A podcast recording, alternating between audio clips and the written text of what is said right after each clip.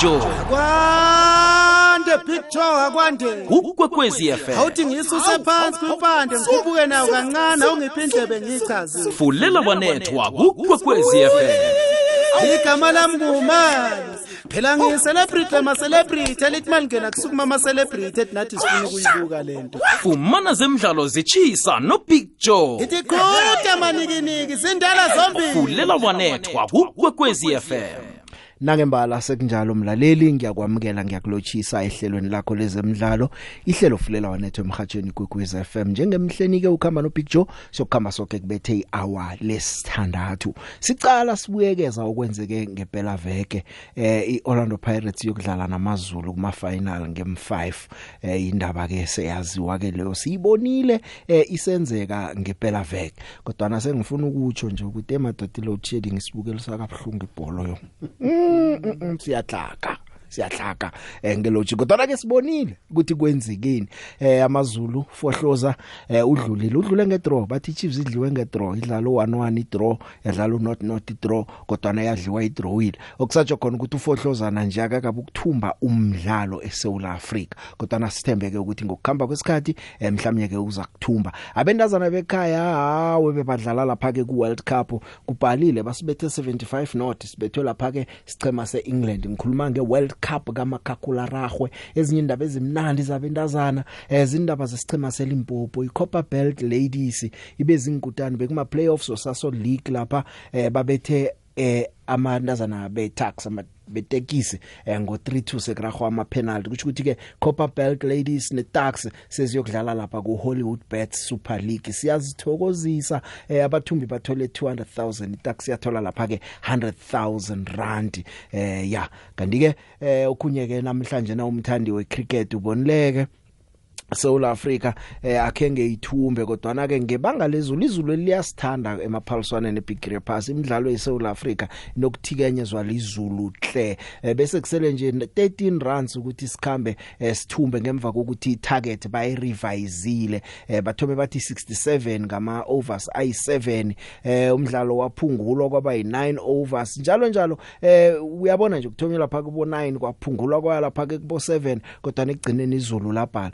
iZimbabwe beyenze 9079 kokwakho for 5 eh iSouth Africa yenza 51 for 0 eh kungakaphumi umgijimi noyedwa eh ngama overs nje amathathu. Itarget ya reducewa godi ya ku 64 kodwa na ke izulu ke latsho khona ukuthi umdlalo liyawuthwilisa ke eh abeswa bekhapha ke kwakosa ukuthi eh babelane amaphuzu nesichema sayo iZimbabwe. Sengezinye nje izinto ezikhona esizibonileko. Liverpool ilobile eh iManchester City zithwayela wayo umlando nayo ithumbile imidlalo eyi10 ekhaya eh ngokulandelana. Imidlalo yonke abayidlala ekhaya eyi10 abayiwinileko le kuyo yonke imidlalo babetha 3 or more goals iManchester City ke leyo. Arsenal nayo drop amaphuzu godu eh isizini lelihlandla lesibili drop amaphuzu kunengi mlaleli nawe kukhona okunye mhlawumnye ngingakakhulumi ngakho ofuna ukuthwaya ngakho eh okwenzekile kokwezemidlalo ngempela vekele ngiyakuvumela. Hlelo ngelakho fulela wanethwa siyakhamba. Eh uza ngithola lapha ke ku WhatsApp eh namtjana ke nemtatweni nakhona uyangithola. Eh vane ngithole ama inbox biziwe mm. eh abantu bathi inamba ye WhatsApp ngiphi manje ngizibuza ukuthi kusho ukuthi abantu balalela mhlambe or umuntu nje uthi man angiyichange inombolo ngizoyibiza 079 413 2172 na umuntu olalela ihlelo uzoyithatha la angeke ungithumele inbox ungibuza ukuthi WhatsApp number yithini 079 413 2172 kulapha ukwazi usithumela khona ivoice note yakho. Kanti na ungena emoyeni khona nayo ilula 086 000 3278 086000 3278 kulapha usithola khona. Lihlelo fulela wanethwa mhatsho ikukwez FM ngingubig Joe. Imiphumela yempela veke nemidlalo ezayo. Fulela wanethwa 2022 kukwekwezi ngena emahlelweni ngokuthumela iphimbo lakho ngewhatsapp ku-079 413 2172 ikwekwezi fm kukhanya dosela mahlelo woke emoyeni. 086 3278 inomboro ithi 086 3278 You're listening. Comedy Rasmus, you're listening to Ikwekwezi FM with Big Joe. lihlelo lezemidlalo oluthola kukwekwezi fm nebhakabhaka liwinile ipirates mhlawumbe support wabafundisi mhlawumbe esebhayibhelini wamemeza uhezekiya ethi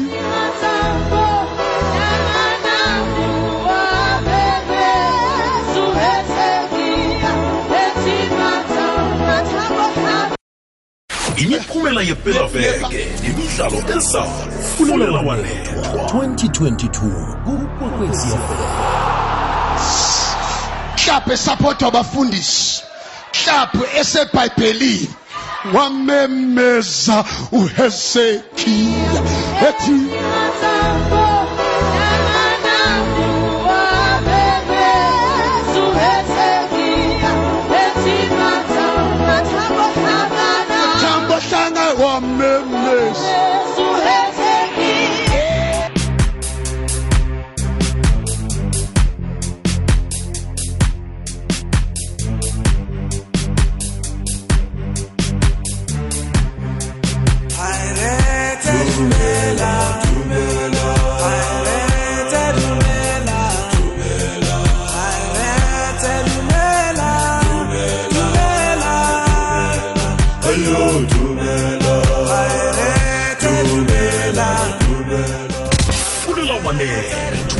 walethwa Qinisile-ke mlaleli ngathi ngizokubuya naye ulakhiwa kwalikhwathi siyakuthokoza eh, captain ukuba nathi.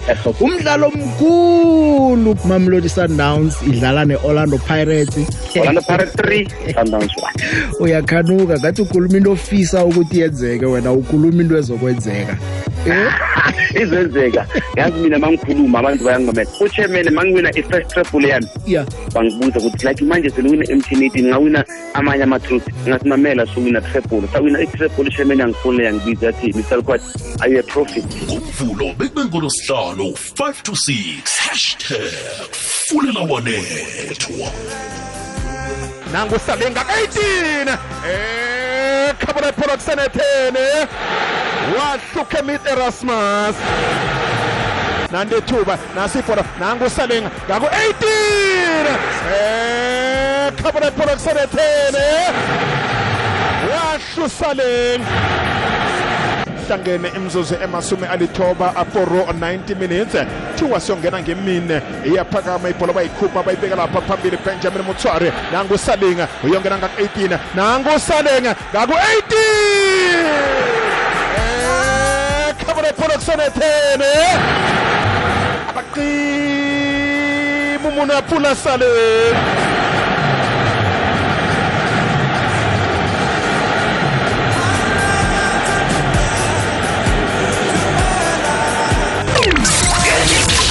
You're listening. Comedy Rasmus, you're listening to Ikwekwezi FM with Big Joe. we played a game that uh, we dream about it. One of the, the the scenarios that we knew that we could find during the 90 minutes, which is get the lead uh, in the first uh, in the first half, early in the first half, and it happens.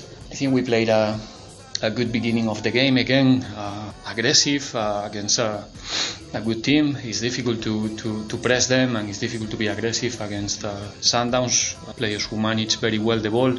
Uh, second half, we were a bit tired. We need to consolidate and, and uh, reinforce a bit our, our center midfield with uh, with Mochuari and with uh, Goodman, with with Sakele up front as well. I think our our our probabilities to succeed in, in transitions or in isolated situations like it happens in the throwing uh, in the second goal uh, we knew that we we're gonna have chances also to to finalize the game, and, and it happens. It was uh, I said before that for me we we did almost perfect performances, but we did everything that the game was asking during the 90 minutes. Uh, outstanding performance from the guys, uh, the way they they prepare uh, their minds to, to face this, this game was uh, super. So I'm, I'm a very proud coach tonight. About the players, uh, like you know, I don't like to individualize. I think uh, they are part of one structure. Uh, they have different responsibilities. I will never um, uh, highlight, you know, or, or, or yeah, put, put the spotlight in, in one player. There are players who are more attractive for the fans, of course, especially the ones who are in charge of the of the of finalize uh, the progression of, of the, the, the boy that you mentioned. It's uh, it, well, is there. I think you can see the way he's uh, he's coming, you know, week after week.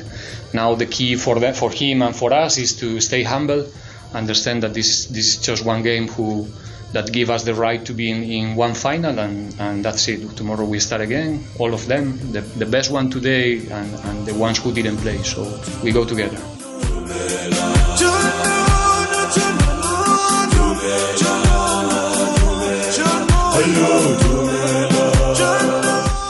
Ya mbanduli wesichema seOrlando Pirates waceda umuzwa lo eh ngemva komdlalo. U Munapule Saleng kube nguye ke eh oba ikwekwezana yelanga mswa lapha eBloemhof eNorthwest. Ya Eh na ungakhumbula umdlalo wakhe uthome Tommy yathoma na uphasa esiqhemeni soLorlando Pirates season le. Emlenzeni October nabadlala nayo iSundowns le. Kodwa nasolo kwalokho uzenzele igama. Eh uMonapule Saleng sekabethe 4 goals emidlalweni emibili edluleko yesichema seOrlando Pirates. Khumbula amanye amabili amagondelo wabethena kudlalwa neGolden Arrows. Lobile ke iSundowns manqoba mnqithi eh uyamukela yena uthi solo vele kwathoma ukudlala uSaleng lo iOrlando Pirates phambili lapha ibhlungu utsho umanqoba mnqithi. Ulila nangokuthi akekho eh uPeter Shalulile. Ke simzwe lapho uyabuya uzokulila ngabo sofengwana kodwa nakhe simuzwe kila amahlandla amabili akhuluma ngoshalulile nangaye usali ukuthi solo kufike yena into zijugulukile I think we we played the way we wanted to play. Very unfortunate to concede the, the goal that we considered very early in the match, which I believe very strongly that it was outside of the of the goal line when when Saleng put that ball in.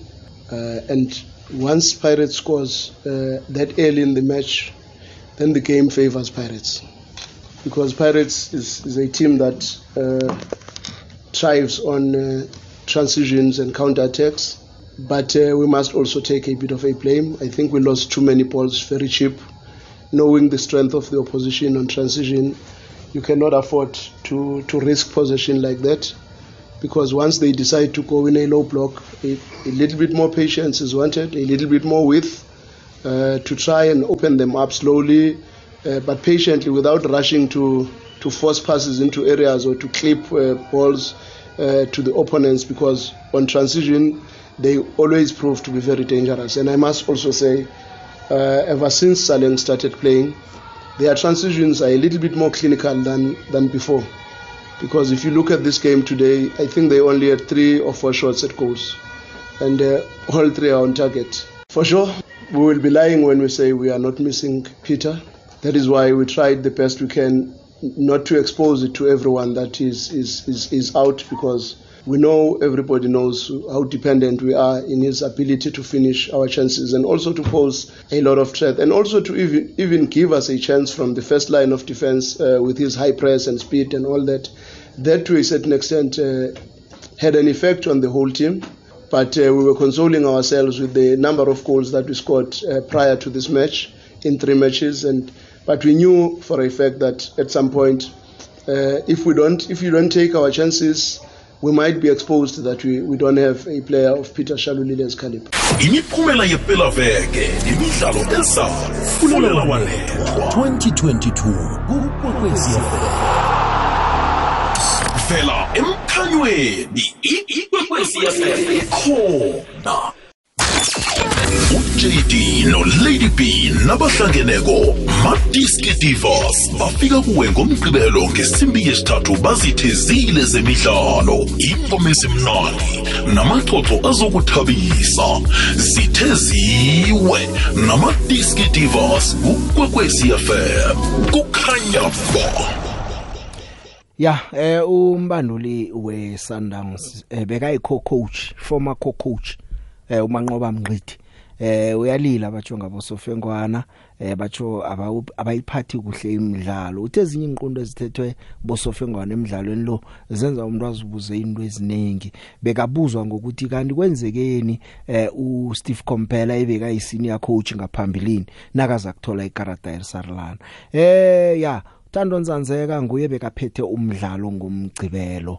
Eh na uthi uyaqala ke na ububukela umdlalo khona la lapha nozakhele swela bekasola khuluma lapha ke nebanka lesundowns. Balila ngesikhathi kodwa na lapho kunye eh into ezinjengalezi ngizo godu ezenza ukuthi ingikha isikhathi sonakale ngoba eh, uyalila umanqoba uthi batsho eh, ekhaya pha isikhathi siyonakala abantu bamorosa isikhathi eh, isikhathi esidlalwa kosincane siningi ngesabantu abahlezi phasi abazenza ngathi balimele nokurestata umdlalo kuthatha isikhathi. Eh zindwanyana ezikhona ke lezi ke eh nazo lezi zokunande niphikisana nabo sofengwana kuyastata isikhathi sokudlala. Manje asazi ke mhlawumnye ngelakuza kuba ne VAR kapha izinto ziza kuba lula eh kodwa na uyalila umanqoba mnqiti eh uphatheke kumbi nangendlela uEmit Erasmus agidinge ngakhona eh wahlubula ijezi lakhe eh walikhomba lapha akazikhomba ebalandelini.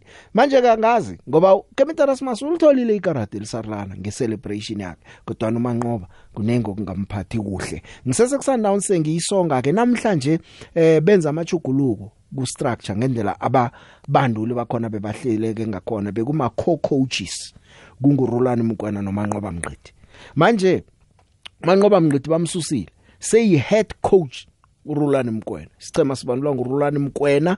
Eh uSteve Kompela eh bayampromoter uba yi first team coach.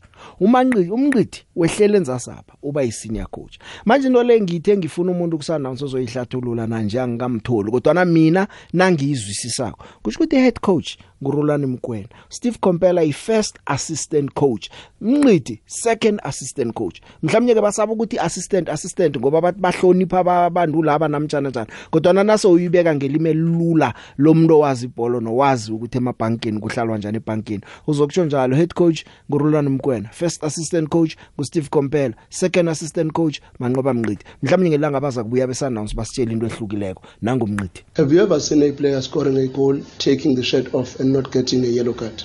Have you ever seen anything like that? Have you ever seen a, a ball getting out of the line and the linesman is five meters away from the line, but he does not see that the ball went out of the line and is nonchalant about it?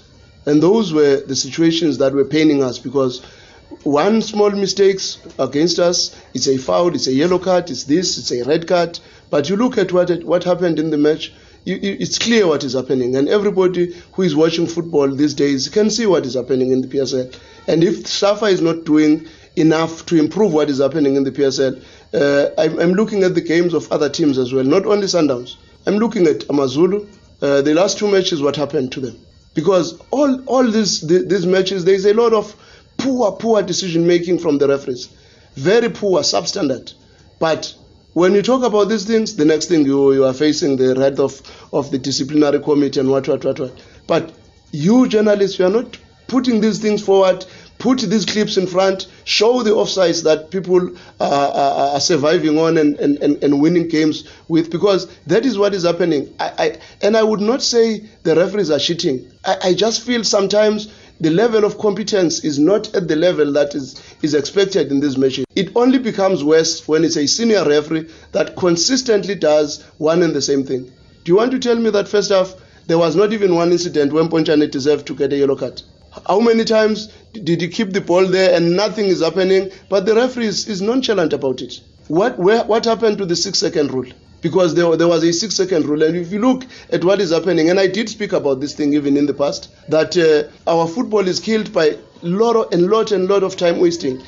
And if if we are also wasting time, we must be punished. Every team must be punished so that games are played with at least maximum minutes of the ball in play. If it's 60 minutes in total of the ball in play, it's better. But in the PSL, you, you check, you go and, and, and look at your stopwatches. How many minutes is the ball in play? You will, you will be surprised that in 90 minutes, the ball is in play for less than 45 minutes. If it's something you did not anticipate, it would, it would definitely take focus away from the game. But if you anticipated that uh, some things are likely to happen, uh, I don't think it does take the focus away from the game because the truth of the matter is We are objectively looking at situations. We are not uh, just piggybacking on things that are not there. We are looking at direct situations that, in the laws of the game, is clear. lotsha picture ukhuluma nonezi ulady bucks wamasombuka picture khe ngithokozise isicema sami se-orlando pirate ngokudlala kuhle kangaka ngomgcibelo sifike kumafinali ngithokozise namazulu and then into engiyithandileko eh ngifuna ukukhuluma ngompontshwana somapala wethu. Akusingugolkeeper lo othatha nakathola ibholo ayibethi isikopeni esinye ilahleke. Is like uyayicala ukuthi uyadistributha unikela umdlali wepirate.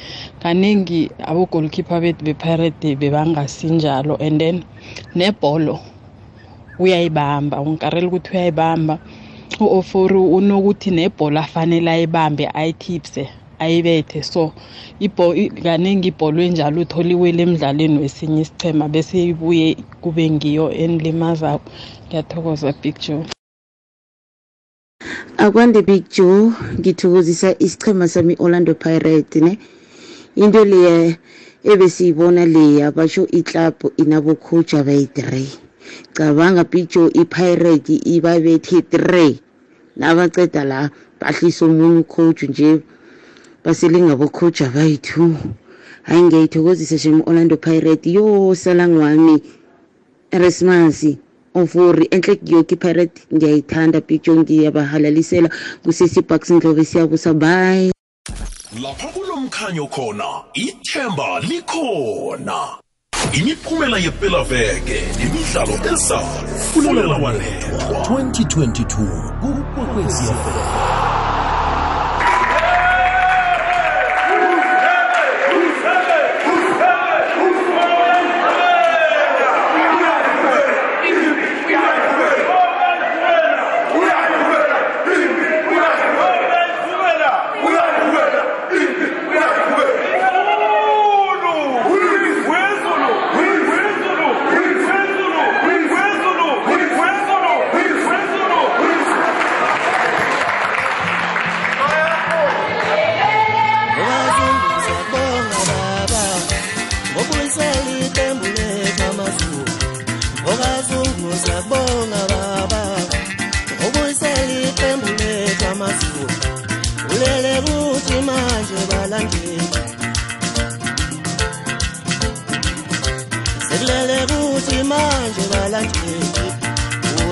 ukuthi sebeke phambili sekulele kuthi manje bathandi ukuthi sebeke phambili sekulele kuthi manje bathandi ukuthi selise phambili.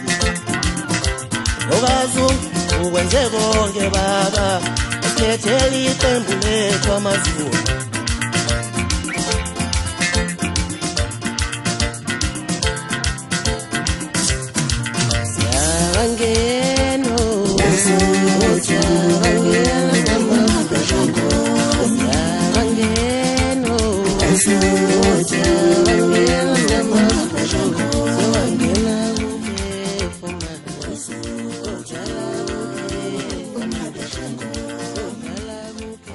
Think that's a game we should put to bed already after 45 minutes, knowing the chances we were able to create in the first half. We knew that we were facing a good team. They have a lot of quality in every department of the field. So I was very pleased with the, the way we approach things tactically and the way the boys were able to execute every, everything I want them to do on a tactical standpoint. Unfortunately, we couldn't score in the first half uh, for many reasons. One of them being we, we lacked a little bit of, I would say, aggressive mindset going into the box. I think it was a little bit too soft. But the positive point is that where we knew that we could hit them, we were able to do that. And what pleased me more than that uh, is the fact that at no point in the game I felt that the team was under threat. I think our balance was very good. I think our capacity to intervene in the right areas on how to regain the ball, when to press, when not to press, was very good as well. Uh, our defending itself, when it comes to crosses and all that, was very much on point. So it tells me that if we can keep that balance, and if we can be a little bit more clinical when it comes to finishing, there's a lot we can do. I think today we defended very well. The fact that we did not concede, uh, we also did not allow them, you know, time and space on the ball at some point. Though, when you look at the chances they created, it was uh, from our mistakes. Uh, maybe trying to pass uh, uh, another player and then maybe, uh, you know, pass the opposition player. And uh, but we fixed that second half. It was much better. And then second half. Uh, can't remember, you know, seeing them creating, you know, chances. And first half, like I said, from our mistakes, and also we're not, you know, that explosive like we, we usually, you know, are in the final third, uh, you know, uh, entry, and also, you know, uh, forcing them to make even more mistakes. I think we're playing in trips and traps, and when you look at it uh, today, and obviously Amazon are always gonna, you know. Uh, come with those tactics or try of trying to you know slow the game down and buying time, and it worked for them. But uh, as I said, you know uh, the goals, goal scoring opportunities that we created, you know back home first uh, first, uh, first first first leg, uh, came back to to haunt us uh, because we had a lot of clear cut chances could have maybe came uh, coming into Devon, leading at least through one or, or even four one, but. Uh, they came back to haunt us. But yes, it wasn't. Uh, it was. If it was not meant to be, it was not not, uh, not meant to be. I knew it. It will all end in tears. fulela wanethwa kukwekwezi fm khuluma ngithi khuluma ye. Khuluma ngithi khuluma ye. Bonakala kuzoba mnandi emakhosini kulesizini icemeni kochumutsha the big khuluma ngithi khuluma ye. Ngikhona kunjani baba? Ngijabula kakhuluma kakhulu yeni abantu bazothola umutsha he bathabacima nalesikhathi sokufikile khala umutsha uzozomunye athi icoach abayikhaba hawa semraro abalandeli bebholo niyakhuluma. Ngithokozile ukukhuluma nawe namhlanje. Ya kungendlela zikhambe ngakhona. Ngiyazi a- angazi angikhumbuli kwagcina nini ukuthi ama voice notes angene ngobuningi kangaka. Maningi kwamanikelela ngikhuluma nawe na nje asangena eh, ngiyazi ukuthi nalokho angithi ngithatha imtato nayo iyokuba ngako. Kodwa ke ngizokulinga ukuthi ngidlala amaningi ngendlela engingakhona ngakhona ngizokulinga ukuthi nemtato ngiyithathe ngendlela engingakhona ngakhona. Izinto zinengi zona engingazikhuluma kodwa ngomvulo omkhulu ngiyazi ukuthi abantu bayatsha abantu imfuba zigcwele bafuna ukukhuluma. Ake sizwa ama voice notes ngizokubuya ngize nangapho ngemtatweni. Hey Joe, hey Joe unjani lapho unjani lapho? Ukhuluma noSindiswa kodawo. Eh ngiyacala ukungena lapha kukwekwezi mara ngimamela every day, ngimamela every day. Ngijabule kakhulu ngokudla iSundowns. Eh ngoba bese izenzela kuPirates, bese izenzela kuPirates hayi. Ngiyajabula ngoba nathi sikhonile ukuthi sizenzele ngeweekend. Eh Big Joe, Big Joe. Ninjani Big Joe nobiziwe? Eh lo khulumako ngusizwe urendo kwamthweni. Osuka le kwadlawula le ngedindela mara nje ngila ngeSprings ngokubereka. Ngithi mina ngithokozisa kakhulu isichema sami seOrlando Pirates man ngithi hawa man. Ngiyathokoza kakhulu nabenze njaya man ngithi hawa. Naku finally siyayithatha le le lokhanje siyayiqeda ichiho. le besikiyo leya thokoza kakhulu man big joe jabule khulu nakuwini pirate bethi sundowns kade sihlupha ngithi ngithokoza khulu thokoza khulu Big Joe, silotshise Joe ngubhakaniya la e-Oliven lane.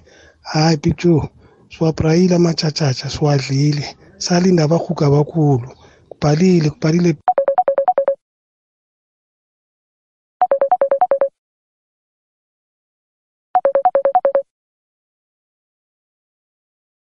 Eh sanibona sanibona sanibona Big Joe sawubona sawubona Tsima. Nomasanga studio lapho sanibonani madoda. Eh ukhuluma nomDevo kaVilakazi ibhakaniya lamabhakaniya la iDevon extension 2. Tsima hey ngijabulile man club yami idlale kahle man club yami idlale kahle. uJose uJose Rivero lo ngiyambona iplan yakhe yini.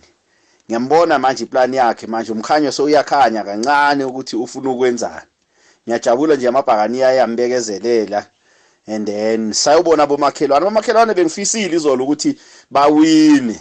Enhlekho isifiso sami ukuthi ngibabhule ngibabhule three times. Three weekends nje ilandelana. Manje eyikwalile bengifuna ukubabhula from 29 5 and 12 akwandre big joe. Khuluma no-andres ngapha ngemlodo wayebona ma kuyi-kaizer chiefs yona u-atazwane iyamhlula akanayo i-plan b. futhi iplan yaqale ngayo ekuqaleni makhibe yamhlula akwasanayo iplan enye yesithuku ukuthi angayitshentsha athi okay ngoba le ayingisebenzeni ithi ngize ngeplan enye lezongisebenzela and i-chiefs the way ngakhona season le hayi angiyiboni ngela ku-top eight. As long as atazwana seyicoach uyicoach e-right kodwana ufuna i-experience experience sometimes kwesinye isikhathi iyabereka. Atazwana akanayo experience leyo. Kuba ngathana ne-experience at least i-team le bekazwazi ukuthi plan b yakhe makhiba imsebenzeli plan eprom plan b yakhe yini? Manje kushoda i-experience kuphela ku-atazwana uyicoach e-right not experience ayikho. Experience iyacounta ebholweni erahawu kuyathokoza big joe. Eh sawubona Big Joe lebiziwe wabolela nkigatsho mo Mamelodi RDP Baiken Master FB eh mancawa o right the big o bolela nnete lo ka lebelela game ya mabane ya Chiefs le Amazulu eh the ball boys ne di sa kentse ke bolo ka mara grant ka nako ne ba dileya lo ipotsisa sometimes re batho ba ile kae di ball boys di ile ko kae. A sanka re ya ja decision a rene re ke form one le ka tinyana ke kgona ba tshwisa jare ba kgona tshisa dibolo ka pele ka mara bo mo gausi di di touchline ne ba di player tswa di collecta dibolo ko kontle and then ke ke change dilo tse di gana di irang ke di referee man le game ya pirate na sundowns bolo e tswetse ko ntle first goal ya pirate then mo pele last man last man a zanka bona bolo re tswile. Ha e kgona gape danke the zibuthelelwe zonke ehlelweni lezemidlalo ifulela wanethwa nobig Come again.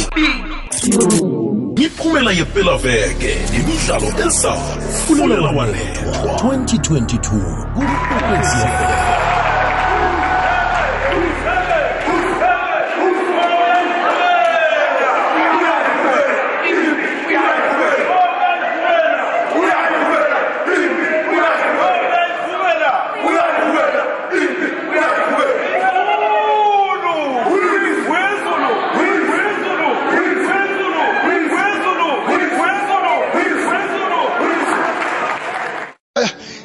Nebhakabhaka liwinile. Ipirates. Mhlawumbe esapotwa abafundisi. Mhlawumbe esebhayibhelini. Wamemeza uhezekiya ethi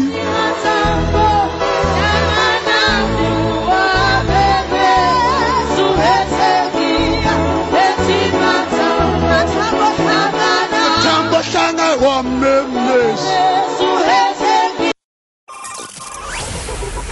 ngena emahlelweni ngokuthumela iphimbo lakho ngewhatsapp ku-079 413 2172 ikwekwecfm kukhanya. ba Akake mlaleli saraka njalo nama voice notes. Ngiyabona eh nemtato ngapha baphela ihliziyo abantu bathi kanti singena nini eh sengiza kunande ngidobha ngapha ngapha ngapha ngapha onechudu ngongenileko ongakangenisi lapho uza kungena nangelinye ilanga. Abantu bayacha eh angithome la. Usemoyeni yeche awupicture akwande?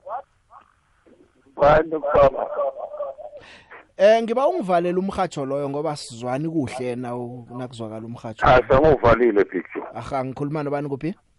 ukhuluma noselbe orange farm ekudala kagcina ukukhuluma nawe Selbi wayapi kade ngakugcina yo. Eh man ngikhona picture okuhlala ngilalele Yawini Pirates yabethi Sundowns wavela. hey picture hayi no mina ngiyababongela picture Mm. Ana necoach yabo eh ngiyayihlonipha picture uRivero. ya no ngiyamhlonipha. Ukhonile ukuyibamba i-sundowns Mm. ya ukuthi ureverenzeni ha lokho picture sawugcina ngako. Ngoba aba- abawinanga ngegoli eyi-one. Buke bawine ngayo leyo kuqala besizawukhala. Manje baze bayeda two khomba ukuthi eh. manje utsho ukuthi igama likhitshweke somara kube yi-two noti ke nangabe. ya kamu kamari likhitshwe kusale kuba yi-two not vele sidliwe big ngithokozile selbi sharp sharp useboyeni yetshe Eh, zinjani big? ngikhona mina unjani wena Khuluma ukuthi kodwa umabhoyisa Angel ngaphambi kwa Gafontein B. ngikulalele squad Ya, nere big ngiyazibonile zebhola ndoda. Hayi kube nzima, kube nzima refika eqembini le-Kaizer Chiefs. Yawathokozisa amabhakani yayo. Bengifisile le big ukuthi ngahlangana nabo mara kwenzekile ndoda nako kwabhala. nako Mara nge-29 besenza kufisa ukuthi nge-weekend ngihlangane nabo njengoba ngokuhlangana nabo nje. Eh. Mhlawumbe ngibakuthela induku. Bonakale ukuthi esewethu ngibani obusawo. siza kubona lapho-ke ngen-29 ukuthi thana uhlangene nabo kufinal bowuzokwenzani ya bengifuna ukuthi ngithathe i-triple kibo mara-ke uzile kulapho ilkhulumile and into ayikhulumile kwampuri yenzekile ngokuthi ukuthi izokuba amagondolo amathathu ngithokozile squad Big Joe idlale kamnandi Orlando Pirates idlale kamnandi. i-Sundown vele ine-problem ma idliwe yenza njani? Bazokhuluma into eziningi. Uma inqoba mncedi bayakhuluma bonke bayalwa be-Sundown. i-Sundown idliwe kamnandi Big Joe. uJackson Chauke lo ethembisa yetshe Hey, the big yebo. Henry Namadumana, 12 time PSL champion. Esedibile.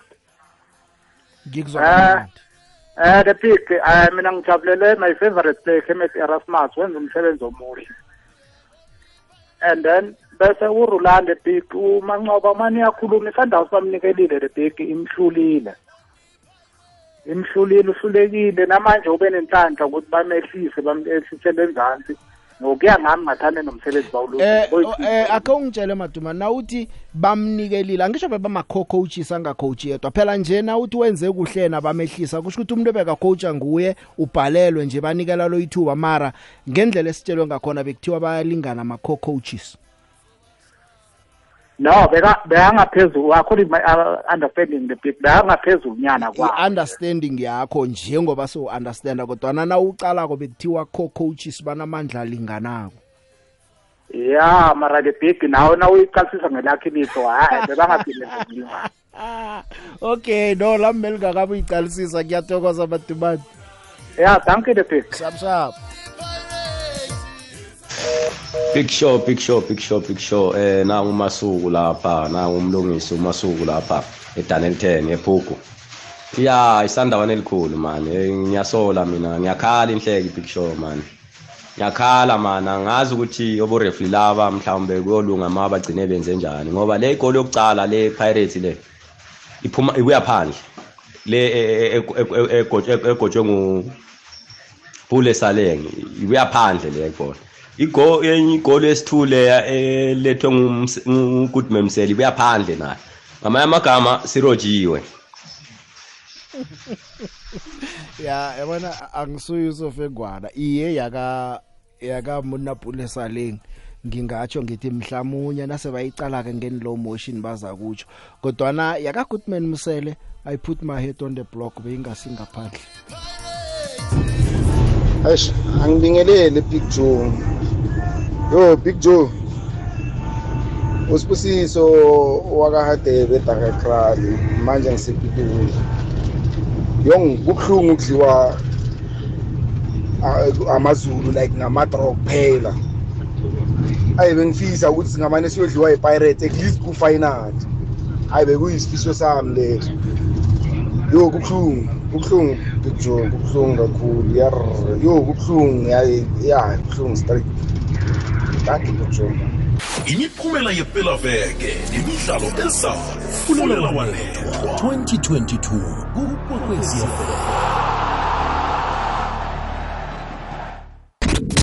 Mudimulle 90.6 FM. ukuya edalstrom 107.7 fm kukhanyisa ikwekwezi fm hashtag umkhanyo ukhona.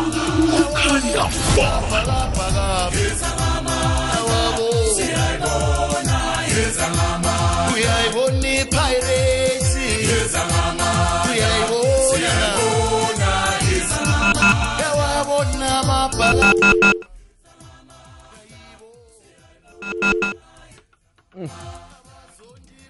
usemoyeni yetsha yebo njani baba upijo sikhona kunjani baba ngiyaphila mani utshoni mdawo lo khulumayo hayi ngiyabongela wonke lamathima awinileyo ipirate namazulu. Mara thina hayi watazwana uyasibulala yo. Mm. Hayi hayi. Ungahamba uthathe uhambe ngemoto unganasipeyili uthathe lesipeyili sakho esipantshile uhambe ngaso ufike usifake futhi nofika phambili. Uthi uzophumelela kanjani? Hey akana plan B. Nakupontshela inye ivila alikho elinye ligcwele kakhona ulifaka hayi yena dala sikhala ukuthi akekho umuntu ongahamba ngesipeyili esiyi-one um mina sipantshile sipantshile uzohamba kanjani manje? Uthe ngojanuwari nje uyokuthenga abadlali khe nimcalelele nibone ukuthi eh abantu nabadlali i-world cup le yena wenzani la? Hayi indaba simotsha ujunior ukujunior ukhezayo uyasimotsha uye simotshayo kakhulu. Wenzani? Uye umuntu phela naye kwayena uye umuntu ongafuni abangasayini laba i-striker lezi nakwayena bekahluleka kwayena i-striker angasi-striker kwayena. Ibholo bebamnika nje athola ibholo akasadlala simlise. Akasadlali akasadlali Eh mara kodwa that's why angafuna angafuna istriker ngokuthi naye kwahluleka ngestriker. Mthokozile bebamnika ibholo ibholo eselilungisiwe alikore. Bekangakwazi ukulanda umuntu akwazi udlula emntwini. Ibholo lakhe bekaphasa nje iball back ball back ball back. Yena ibholo alikorayo ukora ibholo edala lisebalilungisile athi striker manje lokho kumenza ukuthi abhalelwe kubona ama-striker naye. That's why enza kanje-ke manje no- uzwani naye bekadlala i-seven i-striker bekangastrike bekadlala awu siyabingelela egwala eh kwekwezini sithi halala kwekwezi halala kwekwezi. Sibonga kakhulu namhla big joe wavula ngathi thina mabhakaniya. Wagcina nini nje kusihalalisela we-big joe? Ake sibonge mani usibongele kakhulu nakugamela. Indvodza emadrodzeni-ke lengisho yona lengigamela siyabonga kakhulu big joe. Shangathi ingachubeka njalo ipirates. Isentele lokuhle.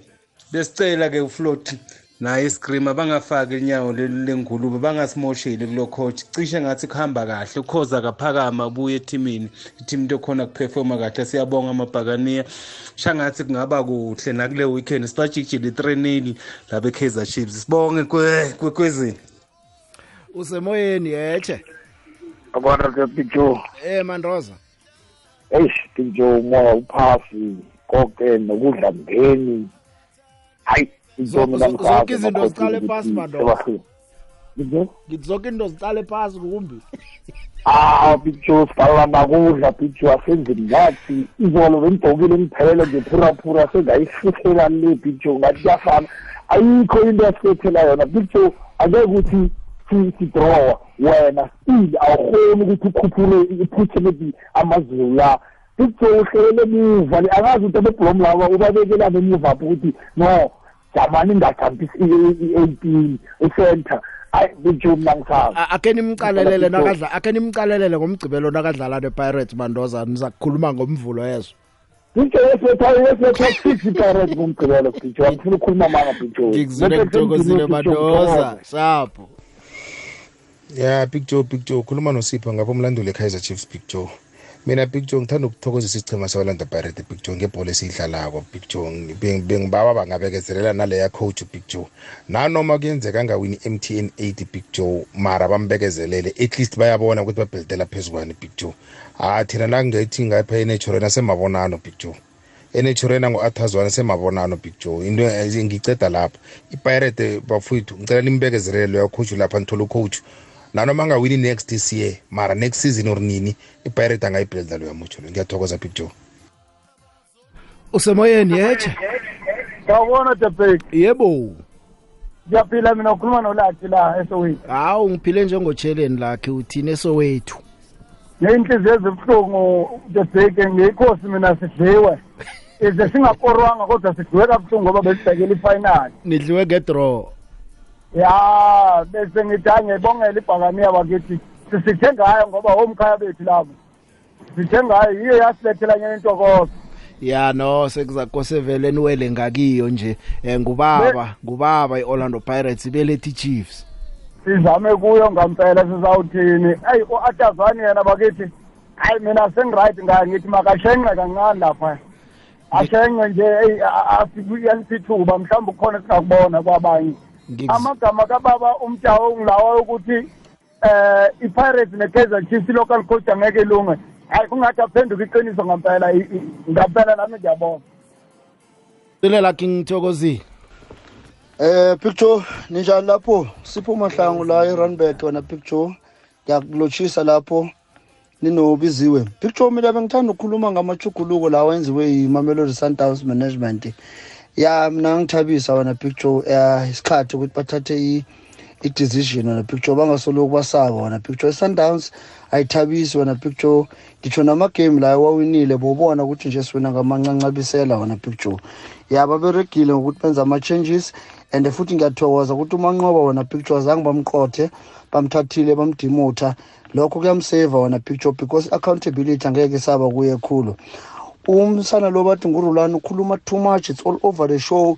Benze kuhle ukuthi bamnikeze khe simbone ukuthi uzayithatha ibeke kuphi i-sundowns mina ngimazi ngokukhuluma kodwa when comes to ama-performance ngibona ngathi nje it's a trap le nto yenziwe ukuthi no akhe simnikeni bazokwazi ukuthi bamqothe kuhle based on ama-results nakhona kunguye vele i-head coach.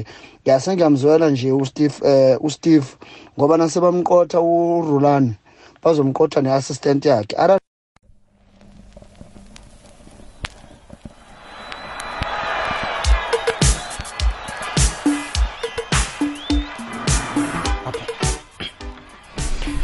Usemoyeni yeche.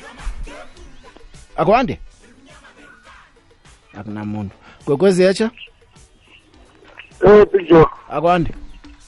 yebo khuluma nomakhosi kanyandeni kwanongoma wabo Ngiyathokoza kwabumba. eh cha bebike ayengidlala egemini nje ngisheshise egemini esaturday cha ngicabanga ukuthi umdlalo ube muhle eh ngiyawabongela amabhakaneya ngathi azamele ukulungisa kancane kuze kushintshwe ngisho abaqeqesho bephezulu ashonise phansi obephakathi nendawo agodlosa eh bese ngibuya-ke kule ekaizer chiefs. Hayi i-chiefs ingidlalelile but into engiyibukayo ngathi ayinayo i-finishing uma ifika phambili hayi ngathi ayi-understand ukuthi kumele ngikhahlele la kumele ngiphase la. Ngicabanga ukuthi watazwane uma engadinga ngento lezo angazi angakwazi ukuyilungisa. Singamasapota siyekeni lokhu sithi sesenilele ngozwana. Asimnikeni ithuba. Uzwakela. kwaphela a- alungise ngoba ezinye izinto uyilungisile uyabona i-chiefs uyayibona manje noma i- isinayo imove eyenza left and right. It's just ukuthi kumele ibe ne-finishing ibe nje ne-striker esizokwazi ukuthi siqonde la ukuthi ngiyaphasa or kufuneka ukuthi ngikhahlele. Lokho nje kusele kuzolunga. Bese Ngithokozile. ngibongela amazulu kakithi-ke usibabhisha nkonyo ehlazana ngithi asambe mazulu sokunqipirate ngiyabonga Ngithokozile.